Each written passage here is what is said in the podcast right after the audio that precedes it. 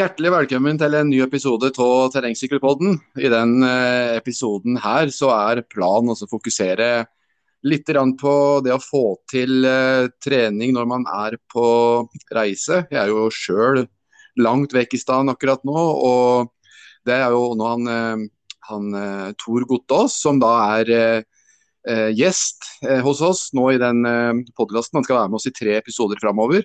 Og I den eh, episoden her så skal vi jo snakke litt om at det her med å trene når man er på, på reise. og Det er jo nettopp det han har vært nå òg. Han kom eh, akkurat tilbake fra Australia. Eh, det er jo bare noen timer siden han eh, landa. og har ikke sovet stort. Eh, allikevel så tar han seg faktisk eh, tida til å bli med oss på, på podkast, og det syns jeg er fantastisk bra. Så Sjøl så er jeg i eh, Filippinene eh, akkurat nå på en, en, landsby som heter Toledo i Filippinene. og tatt med meg, altså Det måtte jo litt planlegging og logistikk til. Da. Jeg har jo med meg både rulla mi, eh, 20 kg, og har fått lånt meg sykkelkoffert eh, av en kamerat som heter Jon Hammer. Eh, så det ble jo litt ekstra bagasje, men de betalte jo ingenting ekstra for det, så det var jo helt uh, utrolig. Bare så vidt uh, ikke ble satt i fengsel, da, for jeg, jeg, jeg syns jo det er litt moro å tulle med ting. Så jeg sa jo faktisk at en uh, Det var noen som spurte hva den kofferten var for noe, så jeg sa at det var en bombe.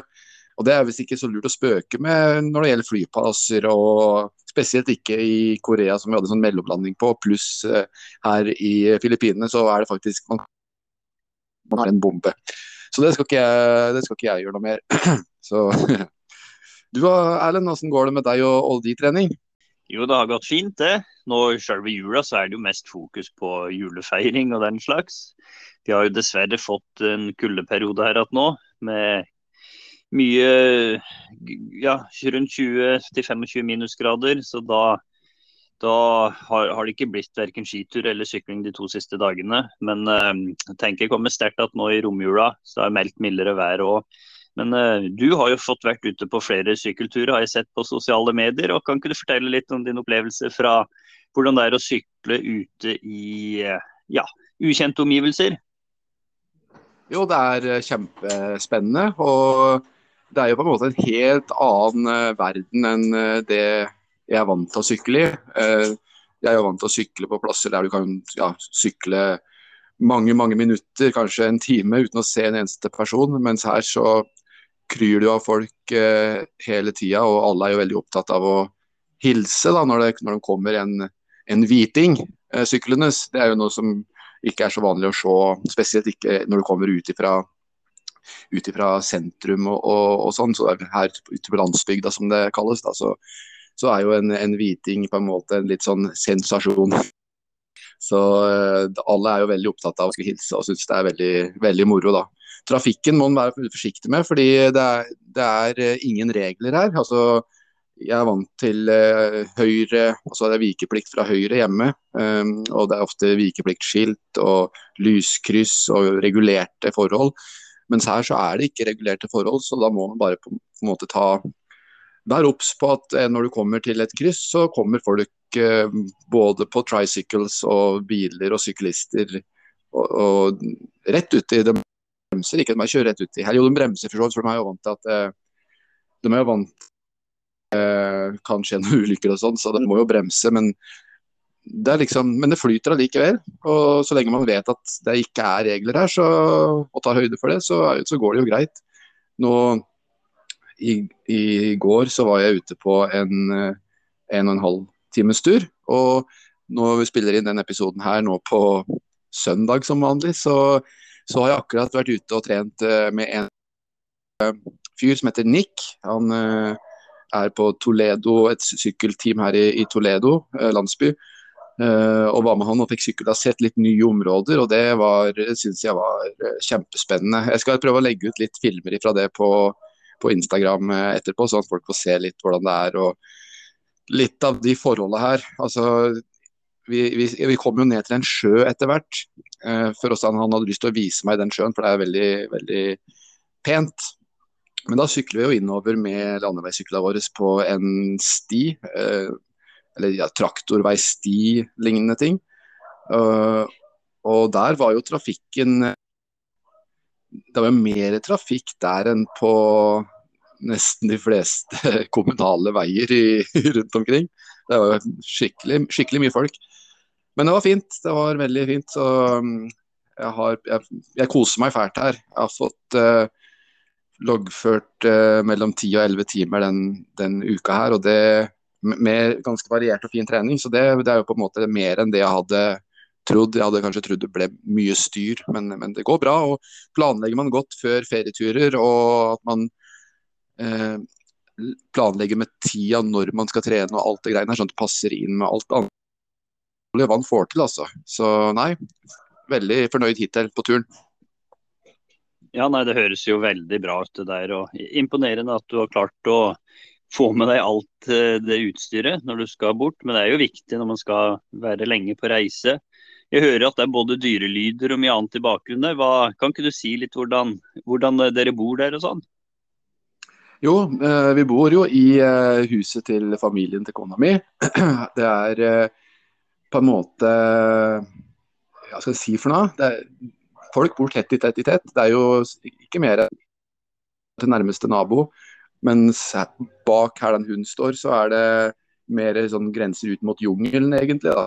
Eh, lite som, som skjer. Eh, største problemet mitt er eh, det levende som oppstår når klokka er tre-fire-tida på morgenen. For da begynner hane, hanen og ga, garnen noe så forferdelig. Så det er et vanvittig leven altså, når klokka blir eh, fire her. Eh, og ekstremt mye haner. og bruker jo, altså Dette med hanekamper det er jo forbudt i Norge, mens hanekamper er jo på en måte en del av nasjonalsporten her i, i Filippinene. Så det er vanvittig mye fokus på haner. Og det, det skaper jo mye, mye lyd, da. Så, og det er og masse, masse løshunder, da. Og det er jo løshunder overalt. Så nei, eh, det er jo utfordring men, med tanke på søvn og sånn, men, men, det går det òg. Ja, det er interessant. Hva, hva, er det folk livnærer seg av der i den landsbyen du bor i? Er det noe industriproduksjon, eller er det Hva, hva driver de med?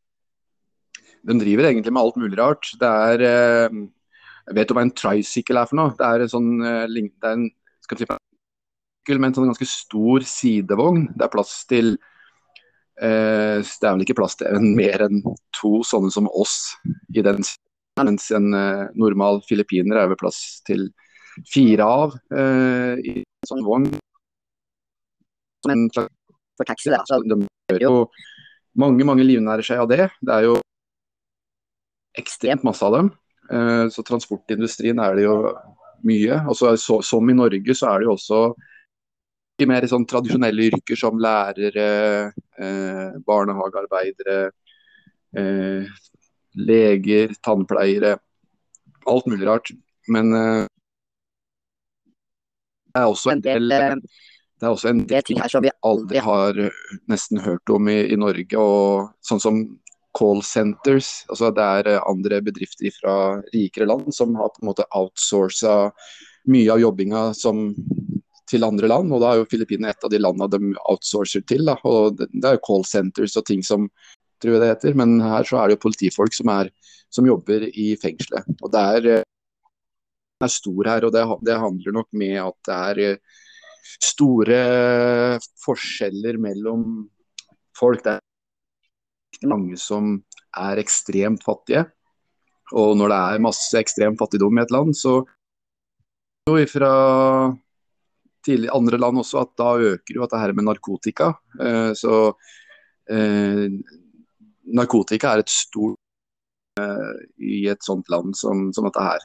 Jeg vet ikke hvorfor, men det kan hende er for en slags form for flukt eller Nei, jeg vet ikke. Um, men, uh, men, det er mye kriminalitet. Det er det. Og uh, sånn som sier er i Filippinene, de, de, går jo bevæpna med pumpehagler og de går med rifler og pistoler og alt sammen.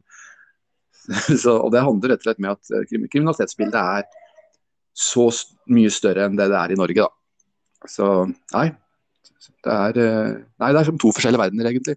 Nei, Interessant. Og dere planlegger å være der i tre uker til dere reiser hjem igjen, eller skal dere farte litt rundt omkring? Nei, i morgen så farter vi til, tilbake til Cebu City. Der det er vel en fire mil kjøretur som tar nærmere fire timer. um, og da skal vi dit og ordne Vi skal til tannlegen bl.a. Uh, ordne litt med tenner og styre litt med det. For det er stor, stor forskjell på prisen på norske tannlegepriser og filippinske tannlegepriser. Så vi sparer jo, passer på å spare litt penger òg når vi først uh, uh, har dratt på tur. så, så det har vi tenkt, da. Ja, man må ta med seg eh, sånne ting. Og det er jo en fordel at du har bekjente som er litt kjent med systemet der og hvordan ting fungerer. Og...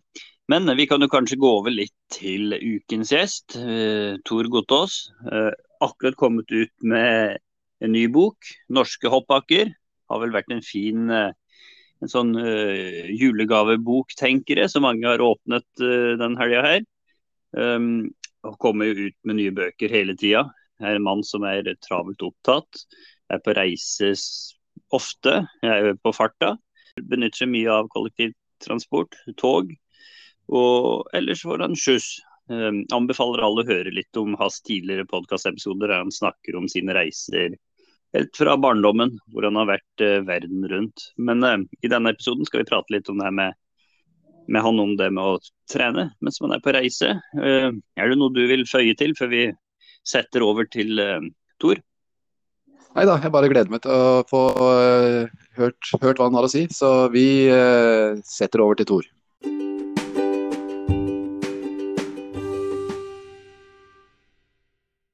Da har vi igjen gleden av å ha med oss Tor Gottaas. Og du kom jo rett hjem fra ferie, gjorde du ikke det? Kom fra Austdal i går kveld og etter meg jeg sov tre kvarter på to døgn. Så jeg har underskudd på søvn. Jeg sov i natt og våkna tidlig, så jeg tilpasser tid, og har litt underskudd på søvn foreløpig. Mm. Ja, Hvor mange timer har du sovet nå? Det ser jeg da.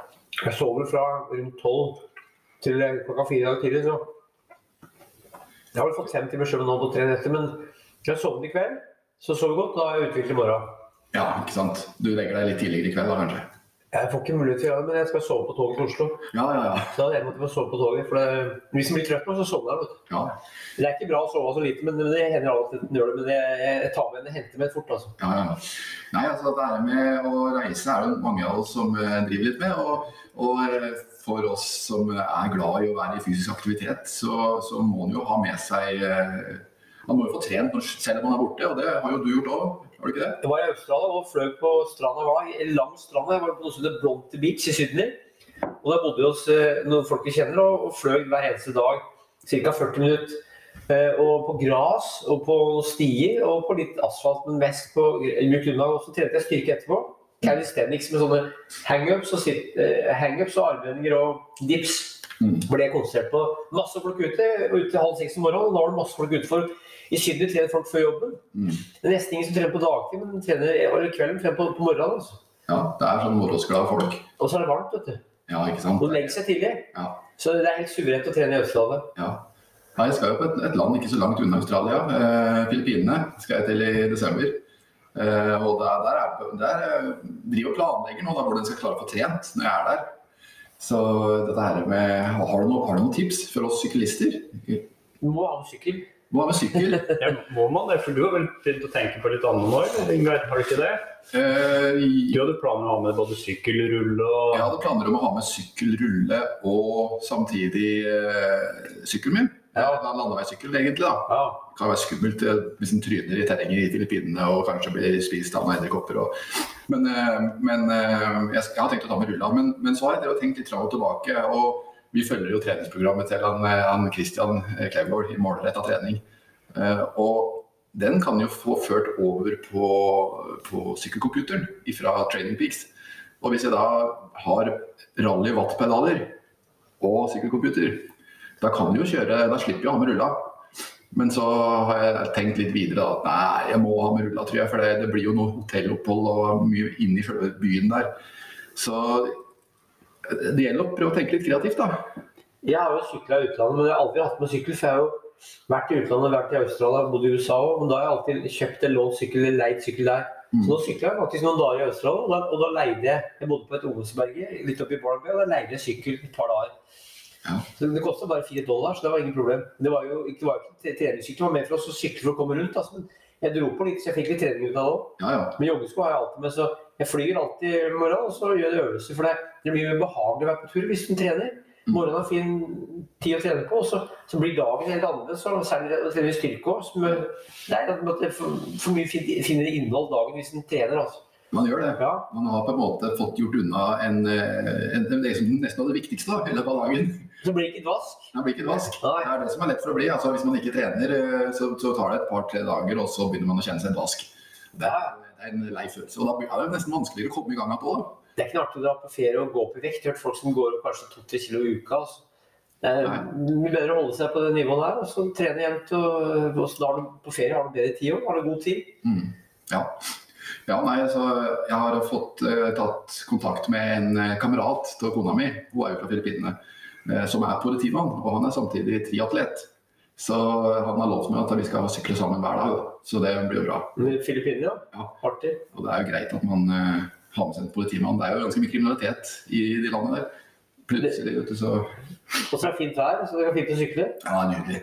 Ja, Det er nydelig. Men det er, jeg tror kanskje at vi er på en måte i denne tyfonsesongen da, i desember. Så det, er nok litt varierende vær, kanskje, men, men stort sett veldig varmt. Så han blir iallfall ikke kald. Jeg tviler sterkt på at jeg kommer til å sitte med samme følelsen som jeg gjør når jeg sykler rundt uh, Osensjøen uh, nærmere Jeg har jo gjort det for et par uker siden, det var, uh, det var kaldt. Ja. Jeg vet, I Syden så var jeg, var i en park, og da var folk som samlet seg til fellestrening halv seks og seks om morgenen på sykkel. Gruppettos og syklister samlet seg halv seks og seks om morgenen på hverdagen for å sykle før jobb. Også. Ganske spesielt. Mm. Sånn er det der. Ja, stå opp tidlig. Det er det det handler om. Og jeg tror at for, for dem som vil gå bli bedre og få trent, uh, trent mye, så er det nok en hemmelighet å komme seg opp om morgenen. For da blir du trøttere om kvelden, så, så kommer du opp neste morgen òg. Ja. God sirkel. Ja, ja. Så nei, det blir spennende. Um, så du noen særlig syklister når du var i Australia? Ganske mange. Og jeg var jo som sagt i en park der. Og jeg var på noe som heter Bondi Beach, og så var jeg på noe som heter Bronte Beach. Og så var jeg på en park i tillegg. Den vet jeg ikke hva het, men der var det gruppetto som samla seg. Så det er mange som sykler i Australia. Men det er ikke mange, altså det er flere, flere som løper. Mm. Men det er nok mange som sykler, men, du ser dem tydeligere i byen. For at eh, det er samla seg gruppetto, så det er nok ikke så mange som sykler som i Norge. Men allikevel så er det folk som eh, klubber og miljøer og gjenger altså, som trente sammen der. Ja. Vet, vet om de har, har de noe landslag i De har vel det terrengsykling i Australia, har de ikke det? Det var med gode. De er gode er Bra miljø for det der. Ja. Men eh, så du noen som gikk på rulleski der, ja? Nei, men jeg har vært i Sydens eneste ski, skibutikk, og jeg var der i 1985. For jeg har vært ti ganger i Australia, da var i skibutikken der og der hadde rulleski. Så det er, en, det er en gjeng som samles hver søndag tror jeg, i Syden og går på rulleski, har jeg hørt. Og det skal være nordmenn som er der, og finner og kanskje svensker. Jeg vet at det er en gjeng borti Perth på rulleski, så er det ingen i Syden. Så jeg burde egentlig oppsøkt dem, for det er lett å få tak i dem, tror jeg. Ja. Men jeg skal kanskje gjøre det senere. Ja. Ja. Jeg hadde med, altså Forrige gang jeg var i Filippinene, det er vel fire år siden, tror jeg. Eh, da hadde vi rulleski. Jeg, jeg tror ikke det er noen som har gått på rulleski i den landsbyen eh, tidligere, for det fikk jo så mange rare blikk, vet du. Ja, ja. Artig. Og så What game is this? Og så, nice game. Så tror jeg det var noen som forsto at dette var, hadde med snø å gjøre, før de bare spurte How's the snow in Philippines? og eh, det var moro. Og eh, jeg gikk jo der med en sånn rød shorts, husker jeg. Jeg hadde ikke noe på overkroppen.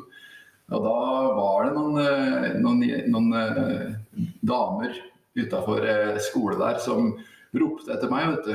Og jeg syns de ropte You are so fat! Det var det jeg syntes de ropte til meg.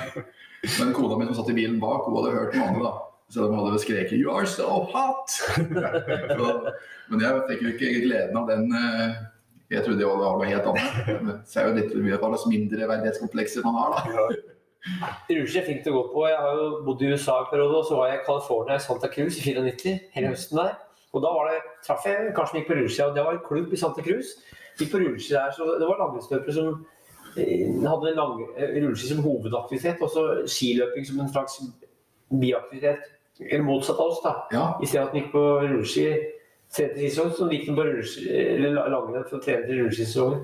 Ja, stemmer. Så det var, sats- det var rulleski de satsa på Ja, som, som idrett. Og når jeg ser folk som går på rulleski utlandet, så stopper jeg alltid og spør om hvem det er og hvorfor de driver på. For at eh, jeg kjenner ikke alle som går på rulleski i Oslo, men hvis jeg for eksempel er i Sverige eller har vært i noen utland, så stopper jeg alltid folk og spør på Ja. Ja, det artig.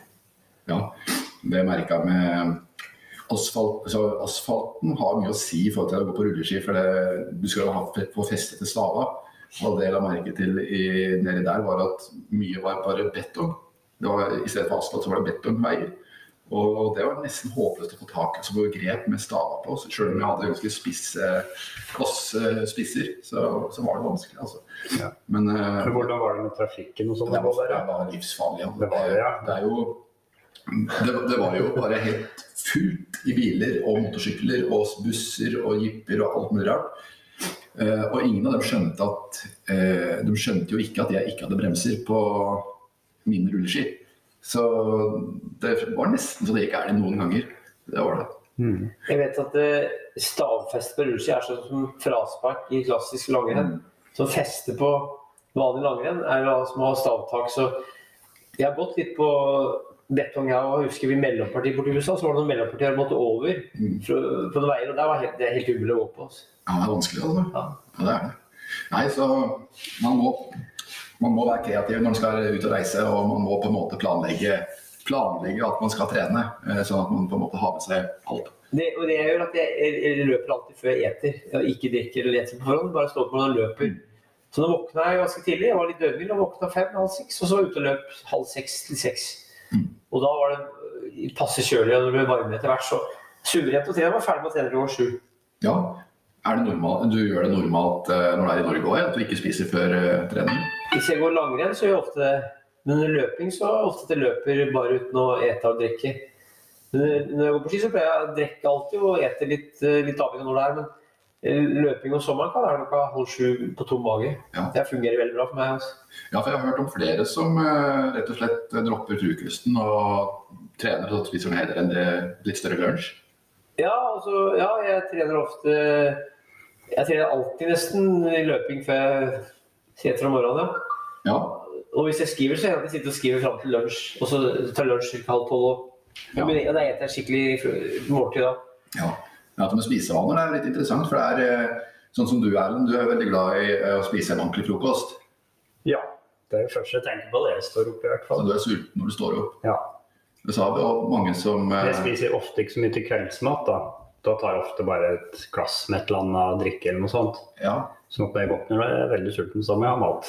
Når spiser du sist på kvelden da? Nei, det er sjelden etter eh, syv, i hvert fall. Det er bra vane, det. Ja, så da Men jeg jobber jo turnus, så at det blir jo litt i forhold til hvordan jeg jobber. Jobber jeg natt, så må jeg ha litt om litt andre tider, da. ja. Mm. Nei, for det er forskjellig. Altså, noen folk er ikke sultne om morgenen i det hele tatt. Og syns at det er nesten er eh, at du er litt kvalm og litt vanskelig å spise frokost. Mm. Så jeg tror det rett og slett handler om man- hvilke preferanser man har sjøl. Om man, man liker å spise frokost, så skal man spise frokost. Men hvis man ikke liker det, så tror jeg ikke det er noen krise å droppe frokosten og heller spise lunsj. Nei, tror ikke. Men du tror du, du trener ikke etter noe treningsplan eller opplegg, eller du har ikke pulsklokke og sånn? Hva, hva er det du Hvordan tenker du om trening, din egen trening? Jeg har vel alltid Jeg har ofte trent I oppveksten trent altfor hardt. Trente feil og for mye.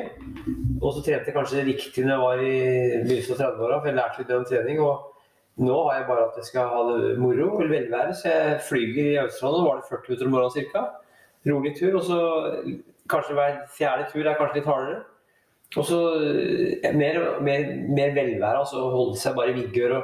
På ski så går jeg ofte på, i motbakker, draper litt i motbakker. Så på sykkel, Jeg sykler jo hver eneste dag. Jeg sykler jo et par millioner dager i Oslo som transport. Da.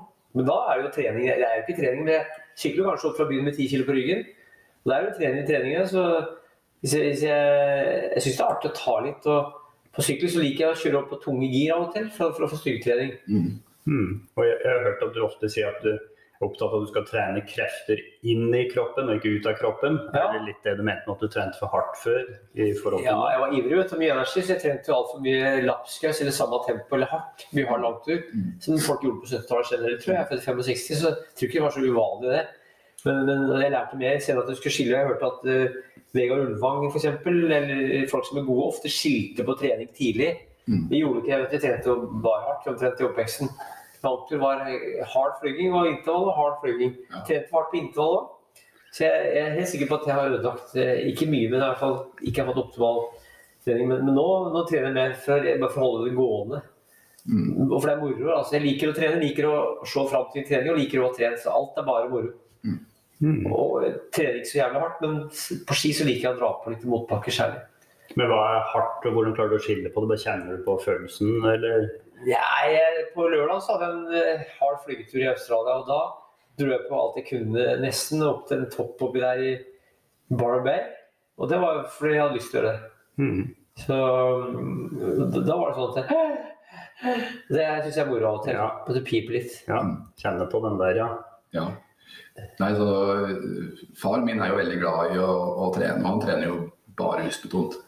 Eh, og du traff jo han på. Ja. Så, nei, Han trener mye og, og trener eh, jevnt, men han, men han eh, trener lystbetont. da. Ja. Da er det ikke alltid at man skal liksom holde seg på én sone, og der skal man holde seg. Som, vi, vi som er sånn treningsnerder, da, som det kanskje kalles, vi er veldig opptatt av at det her med soner og intensitetssoner og, og det greiene her. Eh, mens eh, det tar jo kanskje litt av lysta av trening, ta bort litt av lysta til treninga. Og for, for noen, for oss som er sånn nerder, så vi liker det jo litt sånn, men fattern hadde aldri i livet kunnet trent på den måten der. Altså, det ville han synes er pyton.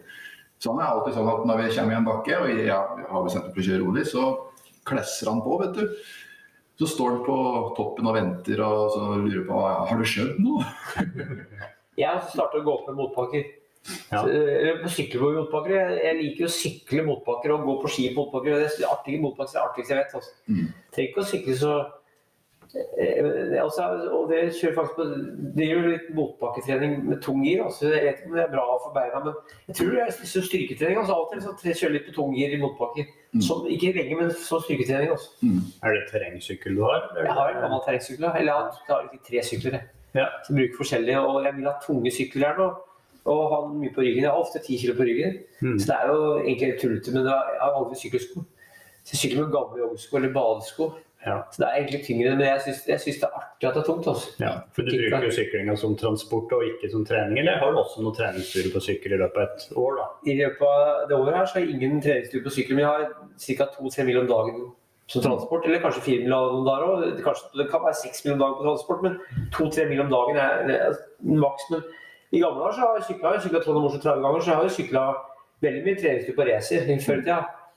Og på terrengsykkel. Men når jeg får sykle så mye som jeg gjør nå, så uten trening så er det nok med transport. For jeg flyr jo attåt, da. Ser. Og, og, langrenn. Ja.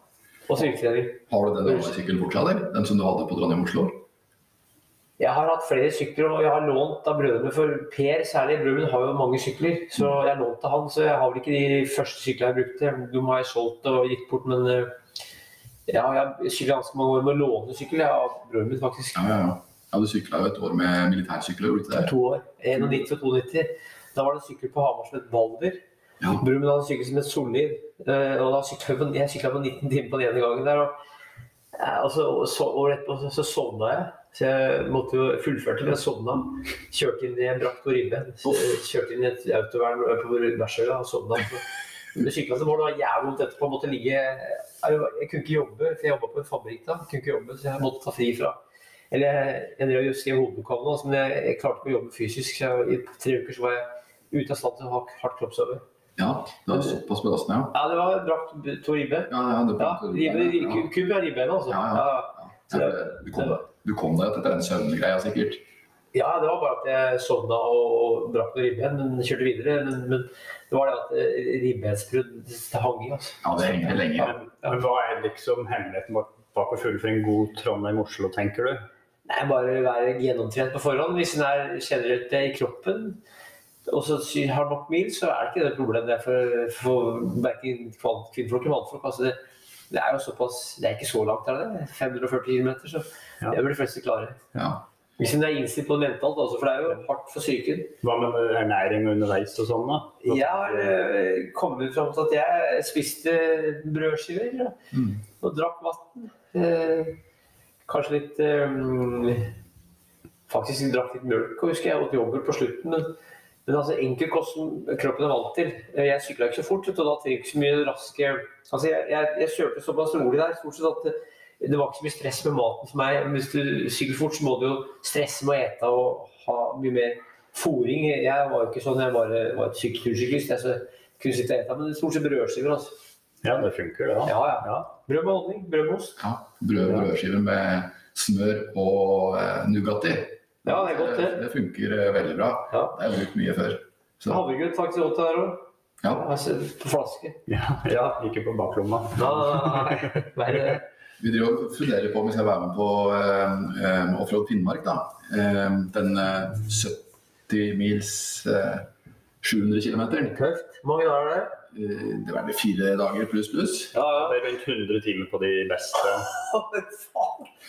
Men, men for det er jo i, i sti for sti, da. Er Og terrenget. Så det, Ja, ja. du må jo ofte ja, krysse elver og Hvor mange som er med der, da? Nei, det er ikke så mange. Men det er forskjellige distanser, og den 100 Den er lengste, den på 700. Der eh, deler vi opp i parklasse og eh, singelklasse, er det ikke det? Jo, det ligner litt på det Finnmarksløpet med hund, vet du. For det er Ja, ja. sjekkpunkt på og pålagt hvile og den Ja. Må hvile igjen fire timer. Og Men det er vel den 300 og eh, 150 som har flest deltakere, tror jeg. ja, For det er jo litt mer overkommelig. Og 15 mil er litt mer overkommelig, men det er langt, det òg. det er langt. Så Det er krevende. Men eh, jeg tror det krever mye jeg tror det krever mye forberedelse og planlegging. Men hva, tenker du eh, er det smarteste å tenke på nå i forkant av Offroad Finnmark? For dekk, mener du? Ja, Nei, jeg høres artig ut jeg, hvis jeg er innstilt på det. For at uh, tenker jeg er gjennomtrent begge to.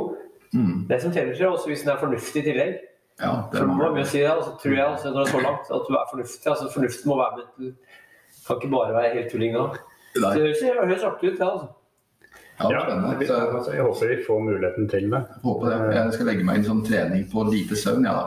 Ja. Prøve å sove minst mulig. Jeg ville gått lange skitur. jeg. ja, Så lange jeg- skitur, ja. Gjerne gått noen timestur på ski og lange, eller lange, rolige turer. Vært ute på ski hele dagen. Vi har gjort. ja. For det, dette tror jeg er bra for både psyken og kroppen til å takle en sånn dag. tror jeg. Nei, altså, jeg husker et år på Det er jo en helt annen ting, men en sånn treningsfenomen som het Håvard Hansen Ja. på ski. Eh, Han eh, Vi drev og planla Tryseknut-rennet et år og hadde tatt, med, tatt en tur rundt for å kappe kvister og skjære litt som fra undervegetasjon og drev på. Da kom det plutselig en eh, person bak oss eh, med pulk. Sto bare staka. Det var egentlig ganske løst òg, men han sto bare og staka da. Og jeg tok litt følge med en periode. Og året før så var det da en som, hadde het, som het Håvard Hansen, som hadde vunnet i Trysknutrennet. Og prata litt om han da, og eh, litt om, eh, om hvem han trodde kom til å vinne i år. Jeg, jo, jeg så jo at han Håvard Hansen var påmeldt på lista, så tenkte at han, han kommer nok til å vinne i år. Og så spurte hva han, hva han trodde, da. Ja, nei, han, eh, han visste, jo godt hvem han Håvard Hansen var, da, men han trodde kanskje ikke at han hadde noe særlig sjanse i år. Men da viste det seg at det var faktisk Håvard Hansen. Det det var han gikk og snakka med. Så han, hadde, han var ute og gikk en seks-sju timers tur med bare staking med en pulk bak. Og jeg trodde kanskje den pulken bare var for å ha med seg litt mat, men den hadde han jo lagt i vektskiver, så det var 100 kilo eh, i pulken. 100 kilo? Og den gikk bare og staka. Så 100 kilo, altså. 100 kilo med vektskiver i pulken. Så da snakker vi hardfør uh, utøver. Mye ivrige folk, altså, som driver langt. Mm. Så um, ja. Er ikke det som sykla med tung ryggsekk? da? Det er den, ja. Jeg hørte at han sykla på Trondfjellet med eh, 50 liter, jeg vet ikke hvor mye liter det er, eller hvor mange kilo det var, men at han sykla med tung sykkel. Mm. Jeg tror tung ryggsekk altså, ja for å på, få trening. oppå Trond- Trondfjellet på, på Tynset. Alvdal. Alvdal, ja. Ja. ja. Martin Johnsen Sundal drev jo med sånn vektvest og drev og staka her før han vant Birken i 2016, var det ikke det? Jo. Ja, Men det, det tror jeg flere har gått bort fra nå. De heller trener med egen vekt. ja. Så vidt jeg vet, da. Det er jo Helge Løvland, som var olympisk mester i tikamp på 20-tallet, han øh, jobba med 50 kilo sekk på ryggen. på jordet. Jobba På gjorde det. arma på garn. Arma med 50 på ryggen. Ble sagt. Ja. Ja, ja. Svenske hadde langrennshoppere hadde gråstein i sekken før krigen. Arma med gråstein. For å trene seg. Høyt tømmer, ja. Og så gikk vi gikk med gråstein i sekken, og så spredte skinga med en tung stein i hver hånd. Ja. Flere måter å gjøre det på. Ja. Ja, det er jo utrolig mye artige metoder. Vi har jo drevet og diskutert litt eh, Vi har hatt et litt fast innslag på podkasten vår de siste ukene om gamle treningsmetoder. Der er det jo en del artige ting som jeg vet ingenting om. eh, For du, du er den som spør. Har de boka di, da. Og så skal jeg prøve å svare på om dette er et bra treningstips. Så det er ganske mye, mye spesielt der. Det er mye spesielt, og så er det mye fornuftig. Og, og så er det litt artig å, å sette seg inn i tankene de hadde for over 100 år siden. Da. Altså de tipsene da baserte seg på den kunnskapen de hadde da, og kanskje mye antagelser òg. Men, eh, men mye av det så ser vi er jo ganske likt sånn som en trener i dag òg. Ja, mye for det. eller sykkel? Alt mulig, egentlig. Ja, jeg er enig i alt mye likt, ja. Ja. Og det med, med kosthold, søvn og ja, det, det med skille, egentlig. Med hardt og rolig trening. Um, De beste har gjerne skjønt dette her uansett, tror jeg, i Ja. ulike tider. Ja, jeg tror det. Men det var en som prata på at eh, man, skulle, man skulle kun puste gjennom nesen. Eh, den var ikke helt Den tror jeg ikke var helt det er flere som har hatt det opp igjennom. At eh, Det er kun puste gjennom nesen. Ja. kan funke, det. Det er mye, mye rart. Ja. Nei, så um, um, vet du at det finske løpere gikk jo fem minutter etter på forhånd. Ja. ja. 50- og 60 det. Det var en teori om at hvis du åt gjerne på kvelden før, og ikke åt om morgenen, så fikk du en slags fordel for at da var det maten fra dagen før som ga energi under løpet. Ja. Så jeg vet at Mentoranta, Mentoranta han prøvde dette og han sprakk jo opp på femmil. Og det var sikkert for at han ikke åt på forhånd, men når han begynte å spise på forhånd, så Ja. på morgenen så tror jeg ikke Skraps sprakk rett. Altså. Nei, nei det Det var, det var vel litt det her som Hjallis var opptatt av, det her med at sulten ulv jager best. Ja, At eh, er du, er du sulten, så skal du liksom gå hardere. Men det er forskjell på tre, tre, tre timers femmil og sju minutter på skøyter, tror jeg. Ja, det, tror jeg òg. Altså, dette med sulten. Eh, det kan jo være mange måter å være sulten på. Ikke bare være sulten når, det gjelder næring, men at man er sulten på prestasjon. Ja. Så Men det, det, på maraton der skulle de vel ikke drikke, noe? Var det ikke noe sånt? Forbudt å drikke. Ja. Forbudt i 56 år, forbudt å drikke. Eh, Da, da Bikila vant i 1960 i Roma, fra, da han var fra Etiopia, så tror jeg ikke han drakk i det hele tatt på maraton. 38 grader, tror jeg. Mm. Tror ikke han drakk i det hele tatt. Nei. Så det var forbudt å drikke i maraton kanskje hver første halvpart de første 50 km. ja, Det var en gammel regel. yes. ja, det er jo rart hvordan sånne regler oppstår, egentlig. Hva er logikken bak der? Har du sett noe på det? Nei, det? det var noe med at uh, de mente at hvis du begynte å drikke, så ble du til ville han bare ha mer. Ja, nå har jeg hørt at noen sa Ja. Akkurat som hvis du vil ete om morgenen, så går du og eter hele dagen. Mm. Drikker du alkohol om morgenen, så drikker du det dagen. Og så er- drikker du vann første kilometeren eller første mila, så vil du kanskje ha mer. Det noe med det, tror jeg. Har du sett den dokumentaren om han Salazar som jobber for Nike, det skomerket? Jeg har ikke sett den, jeg hørte den, men ja. Ja, han, Ligger jeg på YouTube, eller? ja, Da skal sjekke. det Ja. kan godt tenkes. Ja. Ja. Og han drakk jo ikke underveis i maraton, men det var i forhold til at han ikke ville ha vekt. Altså at han tenkte heller å ikke drikke noe, da har han lavest mulig vekt, som gjør at han kan bevege seg Men det raskest mulig, da. løpte han bra i? Ja, han var jo blant de beste. i verden, ja. ja. Ja. Hadde han ikke to New York Marathon, da?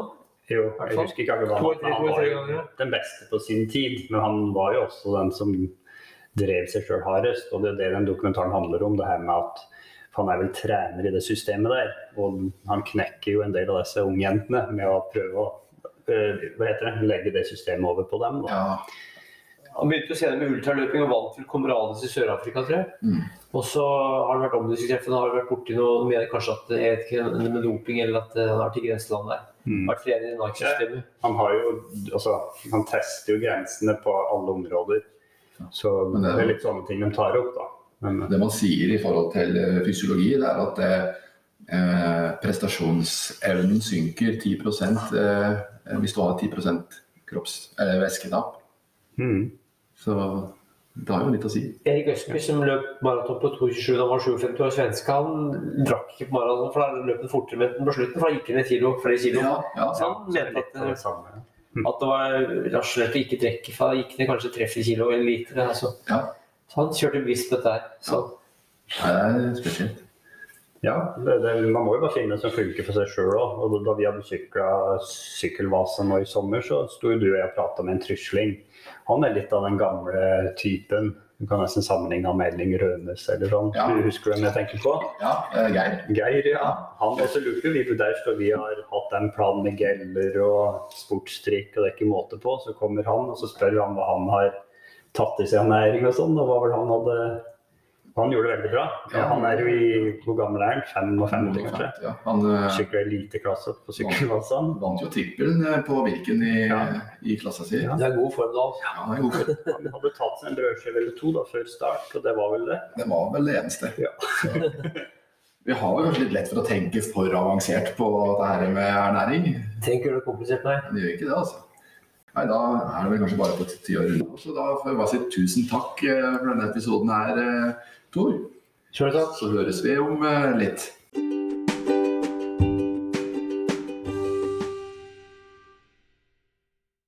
Det er, det er litt sånne utfordringer når du befinner deg i et land og jeg i et annet, og med lyd og sånn. Men vi har da vært hvert fall prøvd å få til en episode denne uka her òg. Og vi kommer ut med en ny episode på nyåret, faktisk, blir vel det.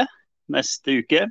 Da er vi inne i et nytt år. Nytt treningsår for eh, sånne som oss og mange av våre lyttere. Um, har du satt deg noen slekke um, nyttårsforsetter? Nei, jeg har ikke gjort det. Altså, jeg, jo, kanskje. Jeg, jeg vurderer om jeg kanskje skal slutte å røyke, da. Er ikke det et sånn vanlig nyttårsforsett? Ja, jeg har vurdert å begynne, jeg da.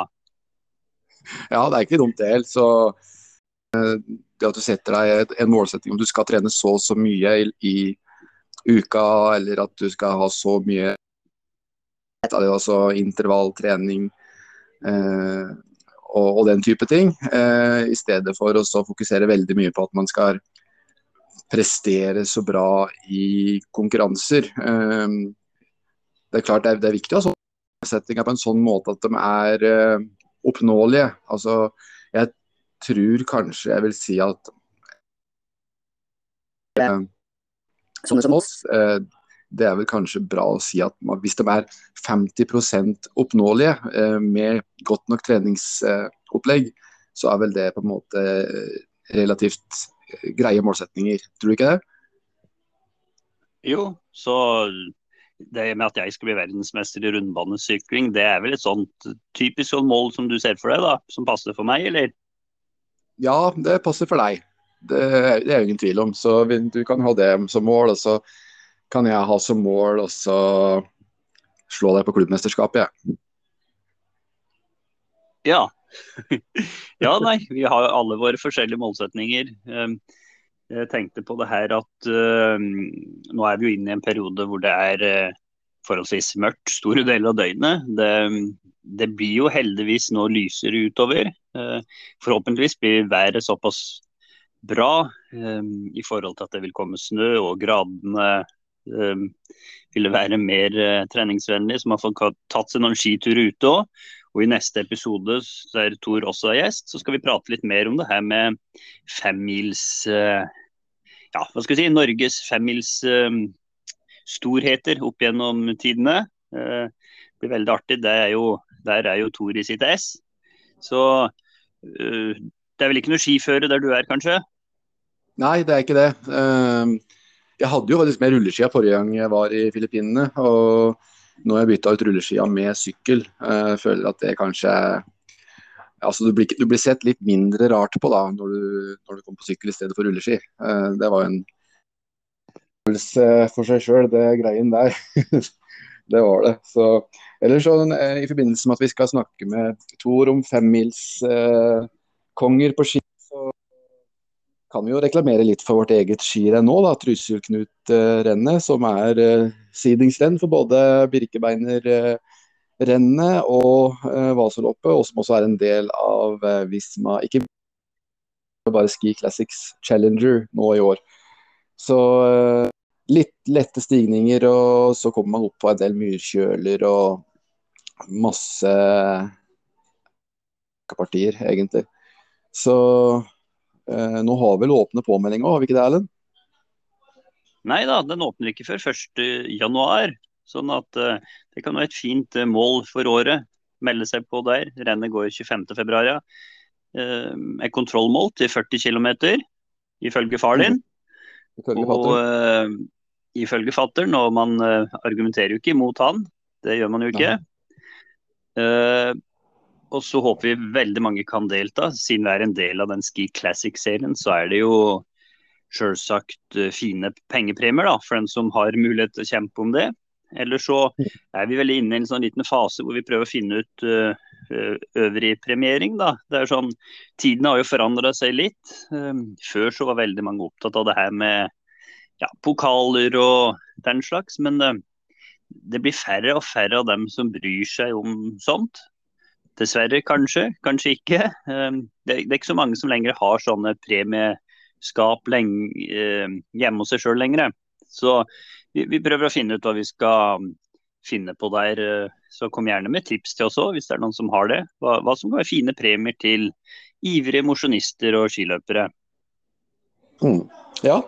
Nei, kom gjerne med tips på det, for det vi er på en måte veldig i tenkeboksen på det. Og heller jo Vi, vi tenker jo litt på hvordan vi sjøl føler det. Uh, og når man har konkurranser og sånn, så er ikke dette her med pokaler og sånn så, så, veldig gjevt lenger. Og da er man kanskje, kanskje eh, Da er vi kanskje at det er som vi kan ha glede av i, i idretten vår.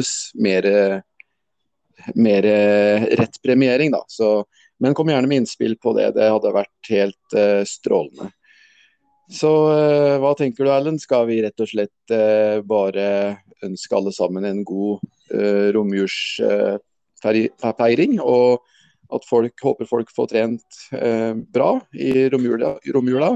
Så vi også, snakkes vi mer neste mandag.